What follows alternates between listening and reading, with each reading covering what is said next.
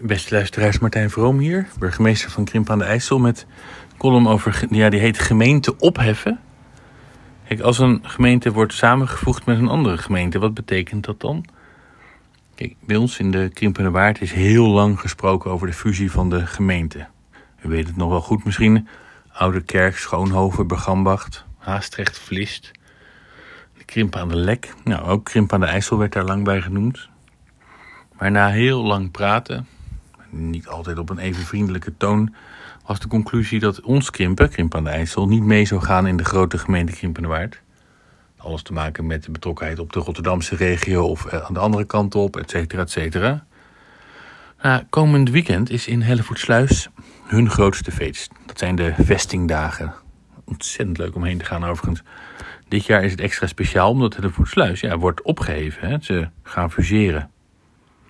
Na lang praten is besloten om de gemeente Voorne aan zee te laten bestaan uit Westvoorne, Brielen, Hellevoetsluis. En zeker ook op historisch vlak een boeiende en heel inhoudsrijke combinatie. ongeveer de linkerhelft van het eiland Voorne Putten wordt dan één gemeente. Maar ja, voor zo'n feest als de vestingdagen maakt zoiets toch niet uit. Hè? Voor het historisch belang van Hellevoetsluis ook niet. U kent vast het verhaal van Chatham, Londen. Nou, niet van harte aanbevolen om het eens na te lezen. Hellevoetsluis speelde daar een hele belangrijke rol. Maar ja, voor, met name voor de overheid maakt samenvoegen uit.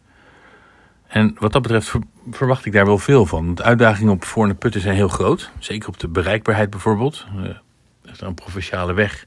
Nou, iedereen weet hoe die heet als je er woont, want je staat er heel lang op stil. Dus ja, een grotere lokale overheid kan er wel ook een stevigere vuist maken. Dus ik ben heel benieuwd. We gaan het meemaken.